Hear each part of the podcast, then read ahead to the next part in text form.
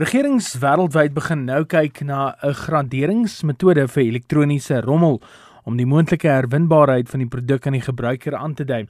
Nou daar is beduidend baie elektroniese rommel wat elke jaar opdam en baie van dit kan nie herwin word nie.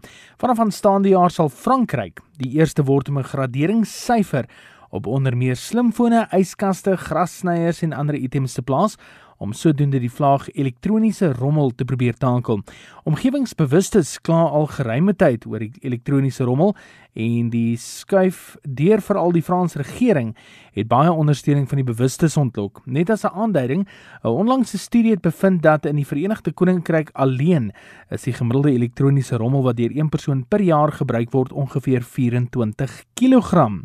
In Noorwe styg die syfer tot 26 kg. So, elektroniese toerusting en die toekoms se goed soos wat dit vir die mense is, is ook wel 'n gemors as dit kom by die weggooi daarvan. So, uh, kom ons kyk wat beplan Suid-Afrika dalk in die nabye toekoms vir die uh, veilige herwinning van elektroniese rommel.